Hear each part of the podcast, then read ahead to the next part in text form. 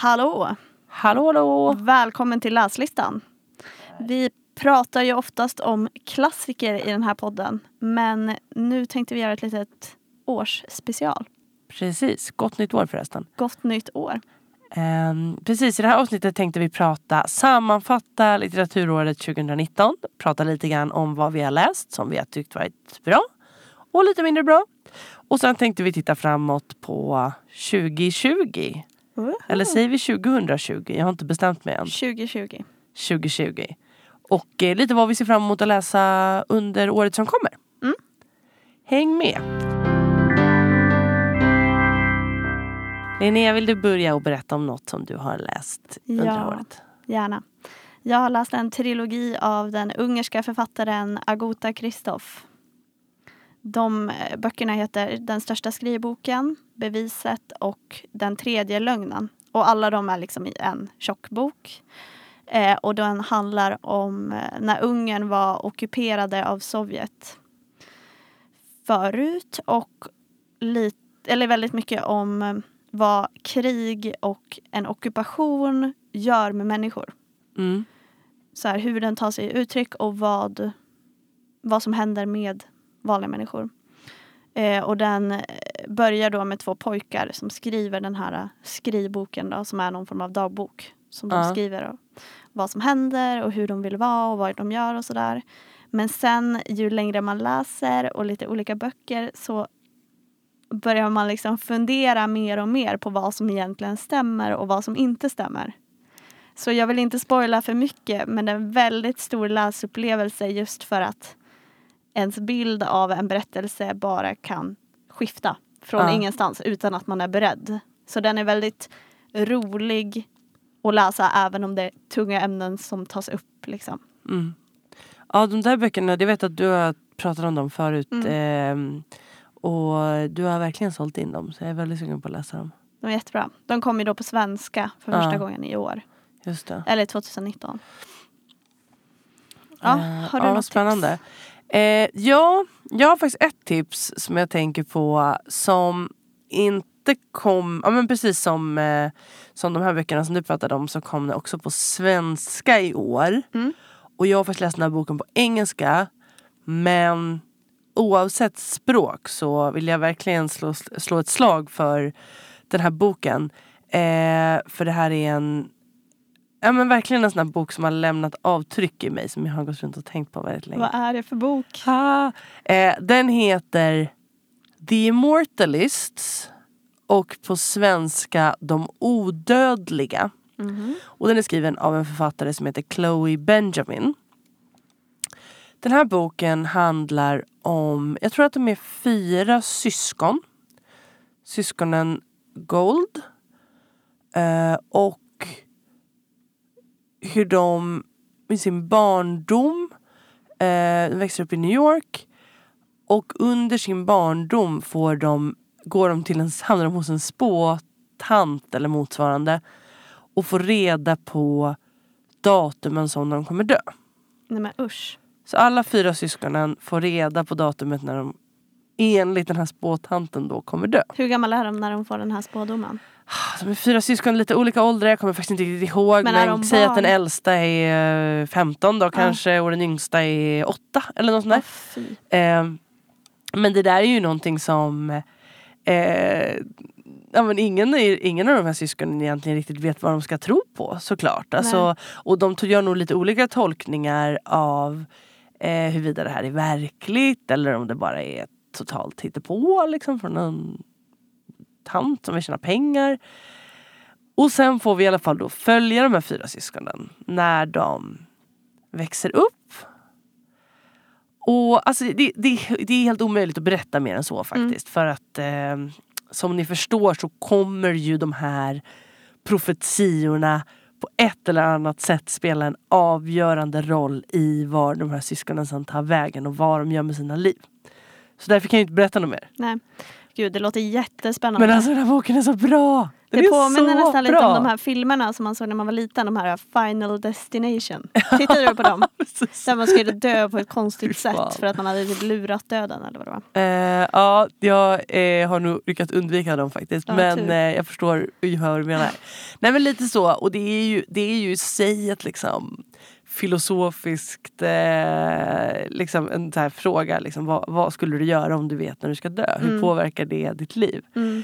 Eh, nej, alltså jag, jag vill bara säga läs den här boken. Den är så bra. Mm. Den är Jag så ska bra. läsa den. Wow. Ja.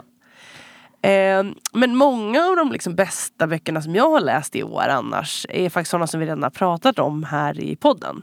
Mm. Eh, jag tänker till exempel på uh, Testamente av Nina Wähä. Mm. Eh, Normal People, Vanliga människor av Sally Rooney. Mm. Eh, och sen har jag också några stycken från året som jag är sugen på att läsa som du har tipsat om. Bland annat eh, Köttets tid av Ja. Lina Mm. Wolf. Ja. Som jag får ta med mig in i 2020. Och också Klubben av Matilda Gustafsson. Känns ju som att det kan bli en av årets eh, liksom, absolut största bokhändelser. Mm. Men som jag inte har hunnit läsa än. Jag har börjat på den. Oh, Hoppas att den blir bra. spännande. Vi får Mm. prata om den i något senare avsnitt. Jag har en till bok eh, att tipsa om också från året som har gått. Och det är Verk 1 till 3. Heter den tror jag. Av Tove Folkesson. Mm. Har du läst något av Tove? Eh, nej, men jag känner till henne. Ja. Men den här Gud, boken dåligt det svar. är... Vad sa du? Jag känner till henne. Vad spelar det för roll? Nej Ja. den heter inte Verk 1 till 3. Den heter Hennes ord. Okej. Verk 1 till 3. Ja. Eh, och den handlar om Alltså den handlar om Toves eget liv. Egna liv. Eh, så, och eh, hennes fru, hon och hennes frus kamp för att få barn. Okej. Eh, och den handlar väldigt mycket om ja, men dels innan de bestämmer sig för att skaffa barn men också kampen som två kvinnor att få barn i Sverige. Och, så den är väldigt eh, dels om kampen men den är också väldigt eh, självreflekterande om vilket stort, eh, eller vilken stor händelse det är i livet. Ja. Och speciellt också som Tove och hennes fru att de är två kvinnor. Och så här, men vem ska bära barnet? Alltså det är många sådana frågor och i det här fallet är det Tove som gör det och då här, ja, de, de ställer mycket frågor som är Mm. väldigt intressanta. Och den var väldigt fängslande tyckte Ja. jag. Jag bara läste den nästan från perm till perm. Typ. ja, spännande. Jättebra. Mm, ganska eh, absolut. Eh, jag tror inte att jag har hört talas om dem förut faktiskt. Du får lägga in den på namn är vagt bekant. 2020-listan. Ja, absolut. Hade du någon eh, besvikelse i år? Ja, alltså ingen jättebesvikelse kanske. Men jag kommer spontant att tänka på Claire Mesuds Kejsarens barn. Ja, den, den blev jag varnad för så jag läste aldrig den. Aha, ja, men det blev inte jag. Nej. Så jag läste den. Och jag läste ut den. Jag läste den på semestern. Liksom. Det var... eh, Det var liksom inte, det var inte en plågsam upplevelse. Den var ganska lång och jag läste den från början till slut. Men nej. Eh, jag börjar låta som en skiva som har repat upp sig. Men här kommer lite vi tillbaka till det här igen som jag har pratat om vid något tidigare tillfälle. Att jag tycker att alla karaktärer i hela boken och den handlar ändå om liksom tre huvudpersoner och sen lite andra karaktärer som återkommer. Mm. Alla karaktärer är djupt osympatiska. Och det är ganska svårt att läsa en bok som bara handlar om eh, någon sorts övre medelklass som glider runt i eh, New York på 90-talet. Eh, eller tidiga 2000-talet är det ju snarare. Om man inte kan sympatisera med en enda av dem. Mm. Det, är- det är inte så kul helt Nej. enkelt. Och då förstår man inte heller riktigt liksom. Ja, va, va, ja sådär. Men du Men- tog dig igenom den? Jag tog mig igenom den och en sak som är spännande med den som jag verkligen måste ge den det är att den, är, att den utspelar sig under tiden som leder upp till 11 september-attackerna. Mhm. Och det tycker jag i sig gör... Hade den utspelat sig i New York 2019 eller 2018 då hade jag kanske inte ens eh, gett den eh, liksom, hela vägen till slutet. Men det är någonting med det där som gör att den blir rätt spännande och den kontexten som liksom också är något, på något sätt en, en oskyldig tid innan efter september som ju liksom definierade väldigt mycket av eh, tiden som kom efter det. Så det är rätt Mm. spännande att sätta det i liksom en vad man säga, historisk om en liksom samtidshistorisk kontext. Men varför var det en besvikelse? För att du hade fått högre förväntningar genom, Ja, av andra? Liksom. ja Mm. precis. Jag hade hört väldigt positiva saker om den och eh, den blev för mig mer av ett mä. Nej, det är inte ett gott betyg. Nej, men det är inte fruktansvärt heller. Nej. Du då? Eh, min största besvikelse är Gileads döttrar av Oh. Margaret Atwood. Eh. På ett sätt känns det som att det är svårt att den inte skulle ha blivit en Nej. besvikelse med tanke på liksom Men vissa väntan tyckte och att den var hypen. jättebra. Ja. Men jag kände så här. Jag läste Kännarinnans berättelse, alltså den första boken, Mm. för några år sedan. Eh, den kom 85. Eh, men jag läste den för några år sedan. Eh, och sen kollade jag på tv-serien. Handmaid's Tale. HBO-serien, ja. Handmaid's Tale. Och kände väl att den var bra till en början. Eh, men att den dalar ut och blir lite sämre och sämre. Serien alltså. Eh, serien, exakt. Och första säsongen i serien är ju i princip identisk med boken. Just det. Eh, och då fick man höra då att Margaret Atwood skulle komma med en uppföljare till boken som var fantastiskt bra. Jag älskar ju dystopier. Ja. Men man kände väldigt mycket i boken att den här kommer mest för att plisa läsarna och Ja. tittarna till serien. Liksom. Alla som ville veta hur gick det sen. Mm. Eh, och att vissa saker känns lite krystade. Alltså det är klart att vissa saker var intressanta. Men just att man har den här känslan hela tiden att Nej men du vill ju bara gå fan, fan, fansen till mötes. Ja, ja, ja. Det och där är ju och tråkigt att när man kände lite såhär, bara, men hände det verkligen? Eller, Ja.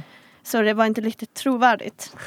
Men jag är glad att jag läste den för att jag ville ju ändå veta hur det gick sen uppenbarligen. Men jag rekommenderar ingen annan att läsa den. Läs Kännarinnans hårt. berättelse. Men, men den kan du verkligen rekommendera. Den kan jag absolut rekommendera.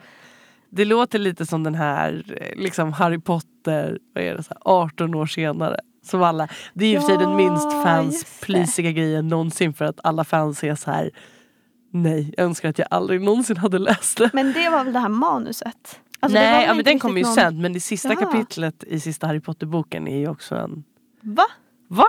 Nej. Vadå, vet du inte om det? Nej. Va?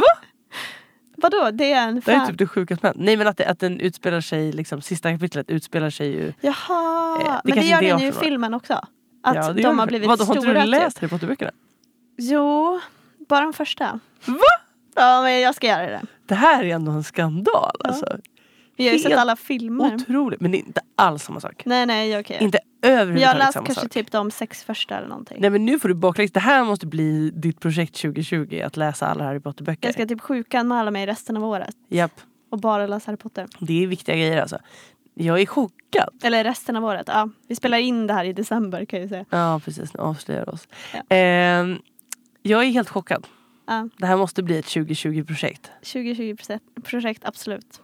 Men då vill jag börja från ettan även om jag Ja, men det får du göra då. Och liksom ettan till trean kanske inte är några höjdare att läsa som vuxen för att de är fortfarande ganska mycket barnböcker. Men sen blir det bättre och bättre Ja. och eh, jag tror att man kan ha stor behållning av att läsa dem även som vuxen. Men det där manuset då, har du läst det? Ja men precis, den kommer ju efter. Ja men Ja. den har jag också läst. Och eh, det, återigen där, det här blev ju liksom allt det där nu, med J.K. Rowling känns det som att eh, hon kanske är i en annan situation än vad Margaret Atwood är. För att Margaret Atwood känns det ändå som att fansen är tacksamma att hon försöker göra, liksom berätta vidare historien och så vidare. Med J.K. Rowling känns det som att fansen bara blir surare och surare ju Ja. mer hon gör. I nästan alla tillägg som eh, hon har gjort i efterhand från att skriva de här fortsättningarna på historien men också bara så enstaka uttalanden i intervjuer om vad som kan ha hänt sen med någon karaktär eller Mm. karaktärernas sexualitet och andra såna grejer möts ju Men det, jag tycker det är lite allt som blandat. oftast bara av ilska från fansen. Det Alltså, känns som att det är lite två läger. Vissa som bara vill Mm. ha mer och vissa som är Ja. såhär, ja men hade jag bara fått det första hade det varit perfekt. Mm. Men nu förstör du. Ja men så är det väl. Eh. men för det är ju en fantastisk, alltså den första boken är ju otroligt bra.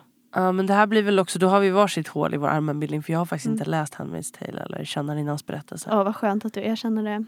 Så att jag inte behöver skämmas över Harry Potter. Nej, det är sant. Det är kanske, jag tänkte säga att Harry Potter är ett mycket större hål Det är det rent eh, sidmässigt eftersom att det är sju böcker. Ja, ja. Men Vi har ju läst sex. kan vi lova varandra då att vi eh, läser? Ja. Vi gör det. 2020. Yes. På tal om 2020. Mhm. Vad längtar du efter? Eller vad, vilka böcker ser du fram emot? Du har mycket bättre koll på 2020s utgivning än vad jag har. Jag har bara en bok nedskriven. Ja, Vill du veta vilken det här är? Eh, ja, får jag gissa?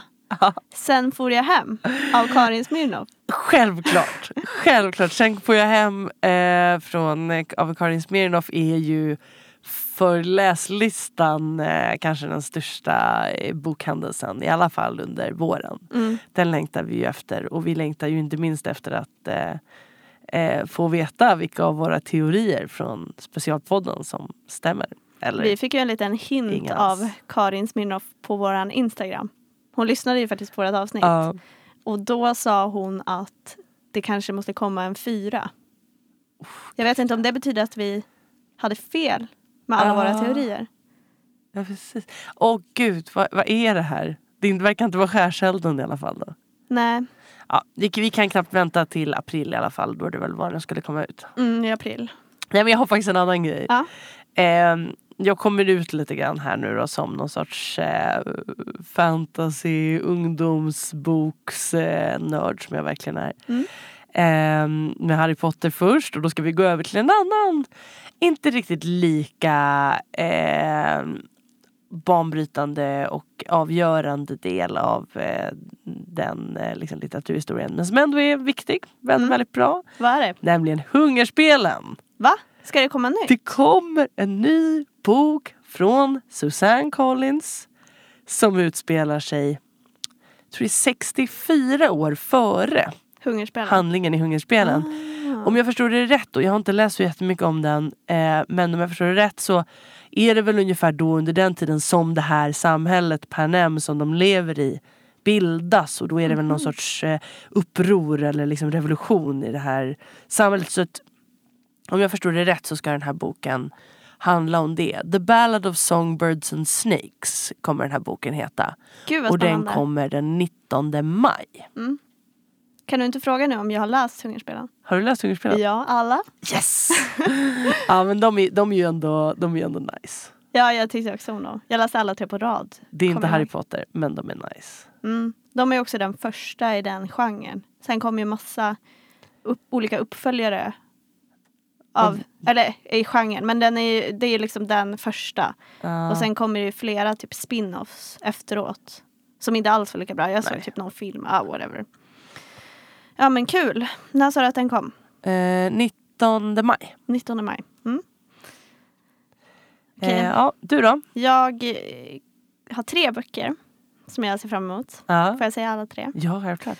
Eh, den första jag kan nämna är Annika Norlins första skönlitterära bok. Är det sant? Mm. Den kommer i mars. Den heter Jag ser allt du gör. Det här visste inte jag. Jag är väldigt peppad. Wow. Och det ska vara noveller. Alltså jag har ju bara läst om den här boken såklart. Men det ska tydligen vara noveller om människor. Och så skriver de så här. I rörelse på skav mot tillvaron. wow. Och utspelar sig i Norrland såklart. Det här är ju allt som vi älskar. Mm. Annika Norlin var, du vet när man gör på Spotify, såna här, de här artisterna har lyssnat på i år Mm. och i, den här gången var det ju också det här decenniet. Ja, så det var fantastiskt. Annika Norlin som, som säkert då min mest lyssnade artist på Spotify det här decenniet. Va? Så du kan ju förstå att jag är peppad. Ja. Hur visste du inte det här då? Nej jag visste det inte. Nej, det var ju skitbra. Vill du veta vad min artist? Mm. Gissa. Kent. Eh, nej, 2016 var det Kent. Okej. Men i hela decenniet. Veronica Maggio. Ah. Inte, hon hade ju många album Mm, genom 10-talet. precis. Okej, jag säkert också Nu går vi vidare här. Mm. Sen eh, så finns det en tjej som heter Hanna Yllestalo. Som eh, släpper en debutroman. Spännande. eh, som, ska heta, eller som heter Silver som kommer i februari. Och eh, den här, eller Hanna då, hon eh, har en podd som heter Samtal med vänner. Som Ja, också är en ja, ja. bokpodd. Jag tänkte precis fråga varför du intresserade dig så mycket för den här debutanten. Men det Exakt. förklarar ju allt. Exakt, så jag lyssnar ju på den podden då. Mm. Och då tycker jag att det är spännande att hon ska släppa en egen bok. Ja, vad spännande. Och så läste jag lite vad den handlade om och den handlar om en eh, tjej som flyttar för att hon ska börja på universitetet. Och då handlar det mycket om att bryta upp och lösgöra sig från en grupp och att få syn på sig själv och bli någon annan eller bli Ah, sig själv. Liksom. Och den här ska tydligen också utspela sig i landsbygden och eller delvis då och så handlar den om unga kvinnor, vänskap, barndom, allt som jag tycker är intressant. Så det ska bli kul Spännande. När kommer den då? i februari. Okej. Så det blir väl den första på min längtarlista. Då hade du en bok till va? Ja, det är den jag längtar mest till. Berätta. Men det är ju så här att Elena Ferrante släpper en ny bok. Det hade man ju kunnat gissa att det skulle handla om Elena Mm. Ferrante. Den Alltså, såg sådär peppad ut. Allt hon har skrivit. Ja, och jag har inte läst något. Va? Alltså, Det är så dålig stämning. Vad är det som jo, händer jag har här? faktiskt börjat läsa. Jag har börjat läsa. Men vad hände? Mm, jag vet inte, jag tyckte att det var lite trist. Ja, fan. Nej, men jag ska ge jag ska ge det en ny chans. En vacker dag. Ja, det, det måste kommer du göra. Ja, det måste du. För den här boken har redan kommit på italienska. Ah. Så jag läste en Du recension i läste The Guardian. italienska. Nej, Du lärde dig italienska för jag att kunna läste läsa. en, en recension på engelska i The Ah, Guardian. okej. Mm. Där de inte var besvikna. Nej, bra. Så det ska bli kul. men, och det blir men, hennes första bok sedan 2014. Men det här är, är den här, den är inte med i den här Neapel-serien då? Utan det här Hon har ju skrivit fristående. två serier. Neapelkvartetten och en eh, trilogi. Eh, som också utspelar sig i Neapel. Men som handlar om Alltså de, är, de hör inte samman men det är tre olika böcker i samma serie. Typ, Okej. som handlar om att vara en dotter och en mor och en syster. Alltså det handlar typ om att vara en kvinna Ja. i olika relationer. okej. Och de är jättebra. Och man kan säga att den tredje boken i den serien, Mm. Skuggan av en dotter, i princip är hela Neapelkvartetten. Okej. Intressant. För hon skriver alltid liksom om samma teman. Ja, Mm. jag fattar. Och, men, och den här nya boken då, ingår den i den serien eller är den helt fristående? Den är helt fristående. Okej, så det är liksom en ny, ny bok. Och den ska heta, på engelska ska den heta The Lying Life of Adults. Adults. Adults. Kan inte säga det. Vad spännande. Kan du inte läsa vad jag ska heta på italienska också? Eh, nej. det var nog svårt att läsa sista ordet där. Men den ska också handla om en ung kvinna som växer upp i Neapel och som föga förvånande kämpar med att ta itu med sin barndom. Dock vet jag inte när den kommer på svenska. Nej? Den kommer på engelska den 9 juni. Och om det dröjer till den svenska utgivningen så kanske jag läser den engelska för att jag är så peppad. Det är ju underbart. Ja. Om det kan få, nu kan jag för sig känna att just när det gäller böcker som redan är översatta ett annat, från ett annat språk så minskar ju nyttan i att läsa dem på engelska. Men självklart är det fortfarande värt om man Mm. Absolut. längtar efter den. Annars är jag en stor Men, vän av eh, att läsa böcker på engelska. Jag gillar ju hennes översättare till engelska som jag också har ganska bra ja. koll på. Hon, eh, det är samma kvinna som översätter alla hennes texter till engelska. Och eh, Elena Ferrante var ju krönikör i The Guardian förra året. Just Så det. då läste jag alla. Mm. Ja, jag är ett stort fan kan man säga. Jag förstår. Ska du läsa det på italienska nu? Mm, ska jag försöka? Det, Mm. det är ungefär exakt det du sa på, eh, på eh, engelska fast på italienska då. La vita bugiarda degli adulti. Wow. Kan du inte Uttal, läsa hela boken på italienska? Nej, jag tyckte det lät fantastiskt bra. Ja, det är bara för att du inte kan italienska. Ja, det lät jättebra. Ja. Wow. Ja men vad spännande. Det känns som att vi har ganska mycket roliga böcker att se fram emot under nästa år. Och om ni eh, lyssnare har tips på böcker från 2019 eller om ni vet några böcker som ges ut 2020, kanske har ni skrivit en egen bok så får ni gärna kommentera på Instagram. Ja, och snälla gör oss. Snälla gör det. För vi vill fortsätta, utöver att prata om klassiker så vill vi förstås fortsätta prata om aktuella böcker i den här eh, podden. Ja, exakt. Så tipsa på. Mm. Toppen. Då säger vi tack och hej för Ja. idag. Tack, hej då. Hej då.